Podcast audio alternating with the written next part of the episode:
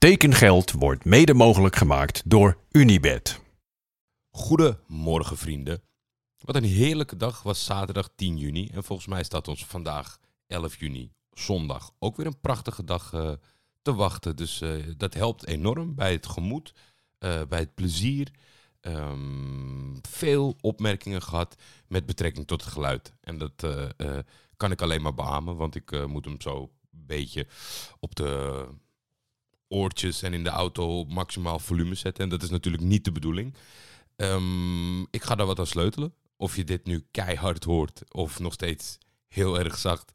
Ik weet het niet zeker, want ik ben natuurlijk geen uh, expert erin. Maar uh, als het basisvolume tijdens het uh, exporteren te, laag, te laag wordt ingezet, ja, dan gaan we dat verhogen. En gaan we kijken wat de resultaten zijn. En zo komen we samen met elkaar tot het perfecte geluid voor deze zomer, hoop ik. Um, vandaag niet superveel met, uh, met voetbal bezig geweest. Ik had een cateringklus bij mijn schoonmoeder die afscheid nam van haar collega's. Die zat uitgenodigd en iemand moest de barbecue doen en dat doe ik met veel plezier. Alleen, ja, soms uh, je houdt van een wat exclusiever stukje vlees en dan loop je er wel eens tegenaan van ik ben iemand die barbecue nogal op gevoel, maar sommige stukken is dat toch een beetje zonde bij. Maar dan gelukkig heb ik in mijn omgeving Jordi Cornel, de barbecue koning van Diemen, die gewoon uh, uh, waar hij ook ter wereld zit, uh, bericht kan sturen met het stuk vlees dat je in je handen hebt. En dan krijg je door hoe lang en aan welke kanten. En ja, het komt gewoon perfect uit. Dus hij zit ook op, op Twitter, @cornejc. Heb jij deze zomer tijdens een barbecue dat je denkt, mm, ik weet het niet helemaal zeker?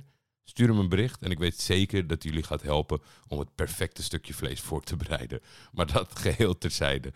Uh, terug naar het voetbal. Gisteren ging het natuurlijk op het eind heel even over de aanstelling bij, uh, potentiële aanstelling van Andrea Pirlo bij Fatih Karagümrük.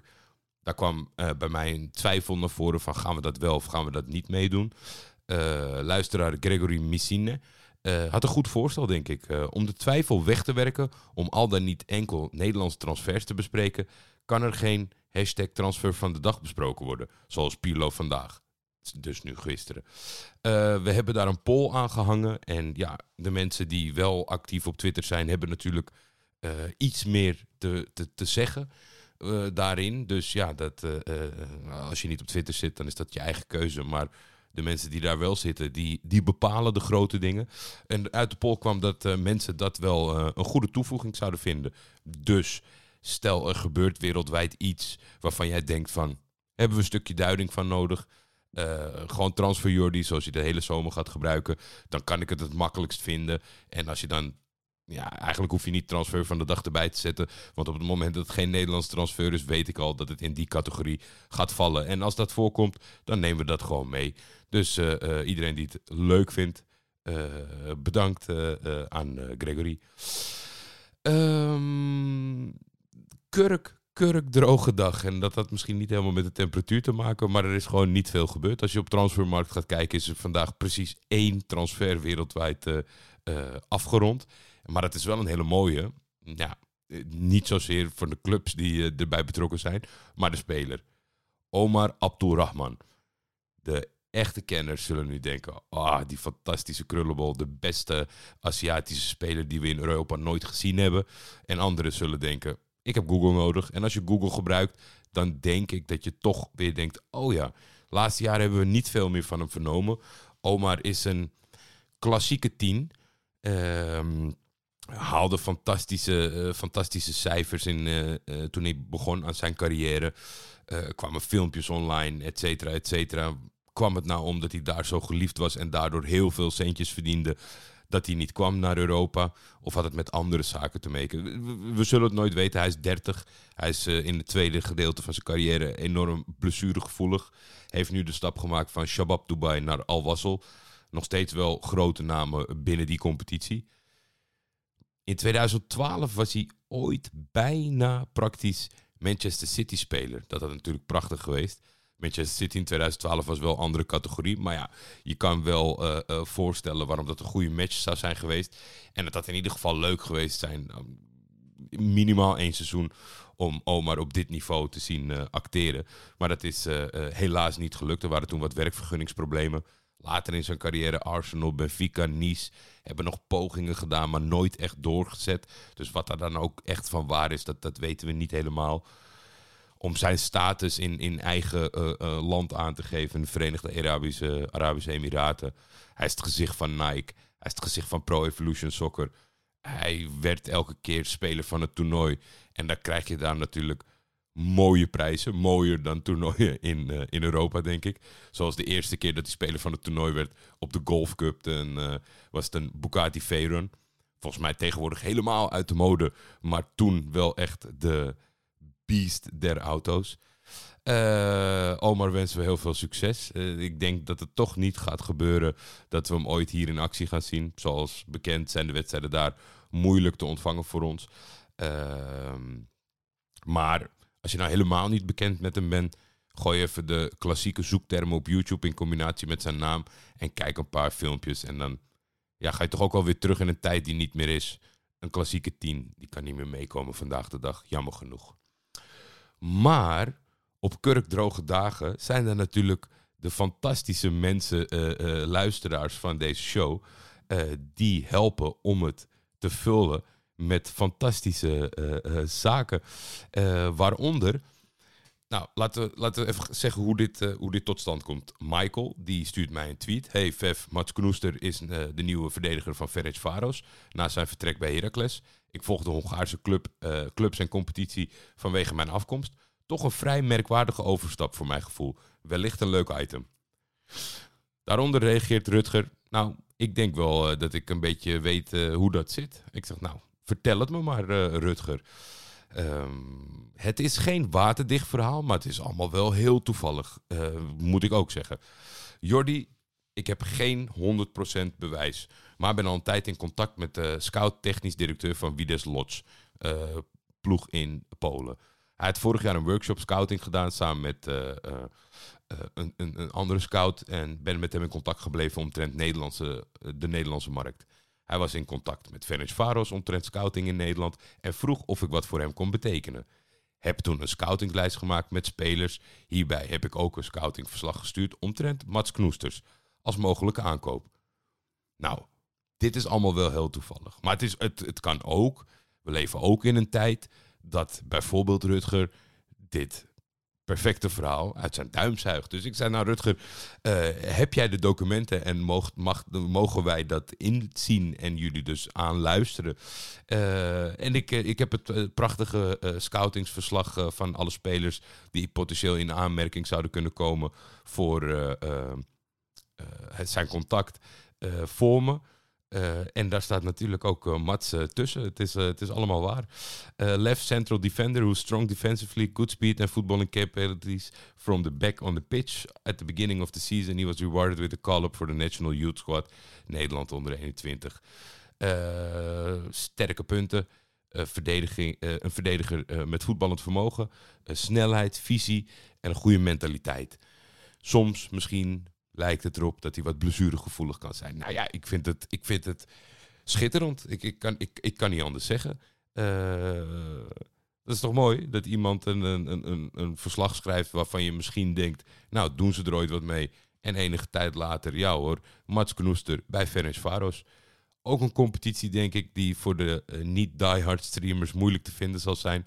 Maar uh, het is toch in ieder geval leuk om in de gaten te houden hoe Mats het daar doet.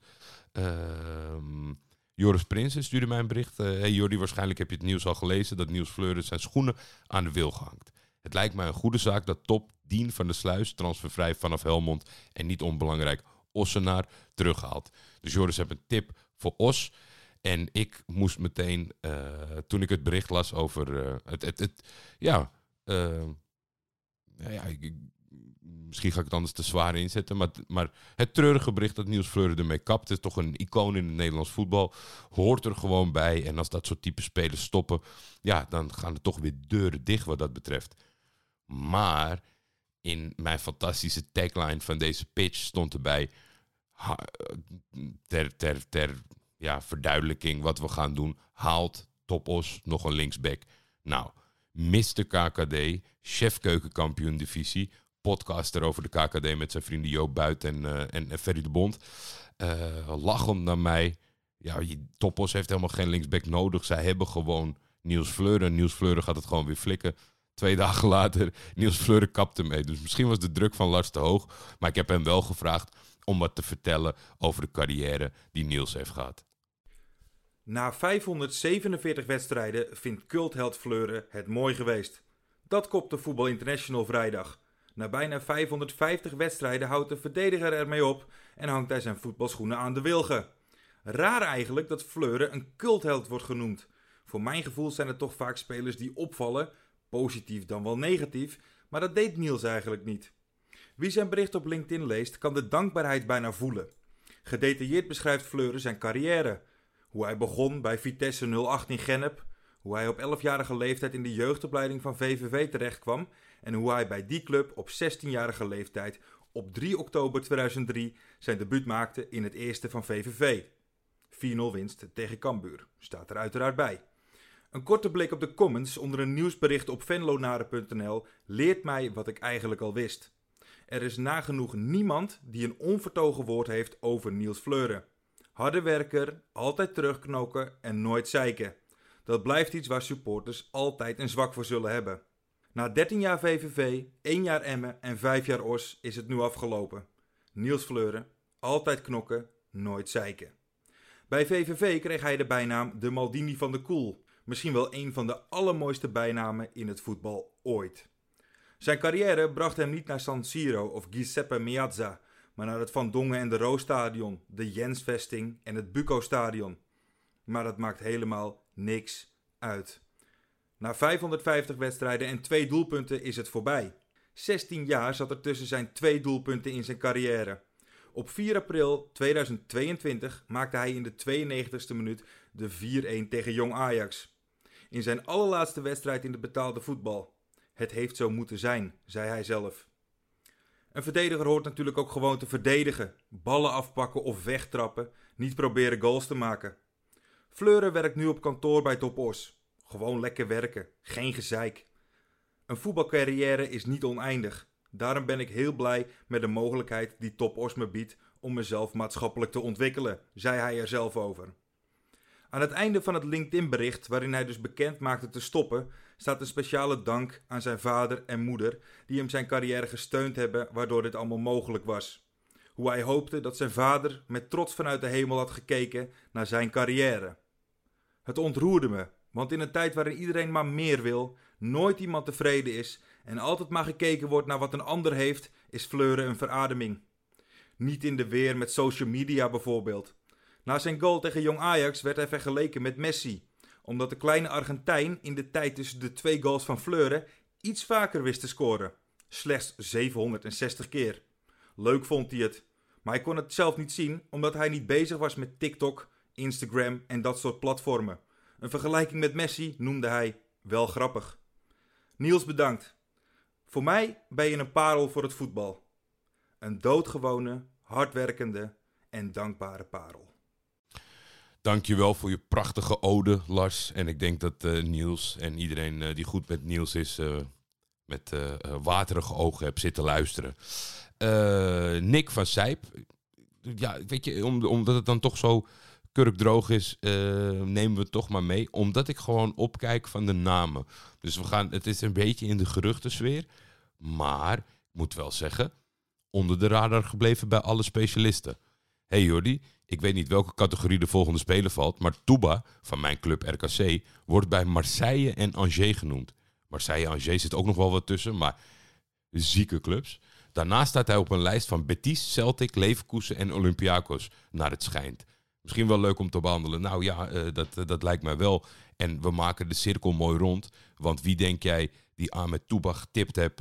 Misschien iets te laag, of tenminste iets te hoog ingezet of iets te laag ingezet met betrekking waar het voor was. Maar Ahmed Touba staat op de, op, de scoutingslijst van, uh, van Rutger. Eh, ja, bijzonder. eh, welke van deze clubs ook concreet met hem wordt. En als het Marseille is, is dat gewoon krankzinnig. Ehm, hij is mij ook een beetje onder de radar gebleven. Het is een beetje no-nonsense eh, centrale verdediger. Dat zijn natuurlijk niet de jongens eh, die het meeste opvallen. Maar ja, eh, prachtig en zeker leuk om in de gaten te houden. En even proberen eh, eh, wat details of, of, of leuke dingen van, over in te winnen op het moment dat, het, dat er iets afgerond wordt. Gijs die had nog een toevoeging, vond ik heel leuk, in de categorie spelers type Zwitsers zakmes. Zoals Bakuna, waar we het gisteren over hebben gehad. Kevin Groyskort. Eh, heeft ook praktisch overal op het veld gestaan. En mocht, slash moest, nog een keer de handschoenen aantrekken voor Dortmund. Nadat ze door wissels, eh, de wissels waren op en Weidefeller pakte rood. Kevin op doel. Eh, ik denk niet dat het een succes was. Persoonlijk heb ik nare herinneringen aan Kevin. Ooit was hij onderweg naar Galatasaray. En ja, compleet des Galatasarays eh, de inschrijving niet voorzien van handtekening. Dus de FIFA transfer afgekeurd. Kevin een half jaar niks gedaan. Eh, uiteindelijk na dat half jaar, eh, dat hakte er toch bij hem in. En ook, ook bij de club wat dat betreft heeft daar niks kunnen betekenen. Ooit in, in, in, volgens mij een beetje in het, in het opbouw. Borussia Dortmund wel een belangrijke speler. Maar toch wel, ja, beetje roemloos terrein. Volgens mij nog wel wat, wat, wat gekke verhalen ook staan me bij richting het einde van zijn carrière. Maar daar kunnen we misschien later eh, nog wel een keertje op terugkomen. Ook was er een aanvulling van eh, Torpedro over eh Juri Schoonewald. De keeper die getekend had bij Sparta. die de jeugdopleiding van ADO Den Haag gaat doorlopen. En ja, de Sparta die inzet waarschijnlijk om hem als reservekeeper te gaan, gebruiken, gaan gebruiken. Maar er is een saillant detail waar ik overheen had gelezen. En dat was dat Jury een maand geleden al is gepresenteerd bij Quick Boys. Die had gewoon eh eieren voor zijn geld gekozen. Ging een niveautje lager spelen eh, op, op amateurniveau. En eh, vond het wel mooi, denk ik. Maar toen er toch weer een profclub belde. Ik weet totaal niet hoe Quick Boys hierin staat. Ik, ik begrijp dat zij hun rol in de voetbalpyramide, die deels gesloten is, deels ook naar eigen, ja, naar eigen wens van de amateurclubs. Of ze dat dan prima vinden, of dat ze echt woedend zijn en dat Jury nooit meer, eh, wat is dat, Bollestreek toch? Dat daar nooit meer mag komen. Eh, maar ja, dat is natuurlijk wel een saillant detail. Eh, Verder niet over, geen reacties kunnen vinden uit het Quick Boys kamp. Ehm, en er was ook een vraag binnengekomen van Jan Veninga. Die ga ik morgen proberen te duiden als het mij lukt om, om het een en ander te achterhalen in globale lijnen. Hij zegt, eh, Jordi, eh, je had het in de eerste aflevering natuurlijk over de transfer van Nick Bakker. die heel, heel, veel, of, heel veel centjes gaat verdienen in die zogezegde zandbak.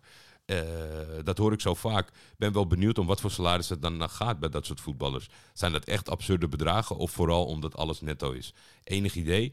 Nou, op dit moment nog niet. Het zal natuurlijk ook ontzettend uiteenlopend zijn.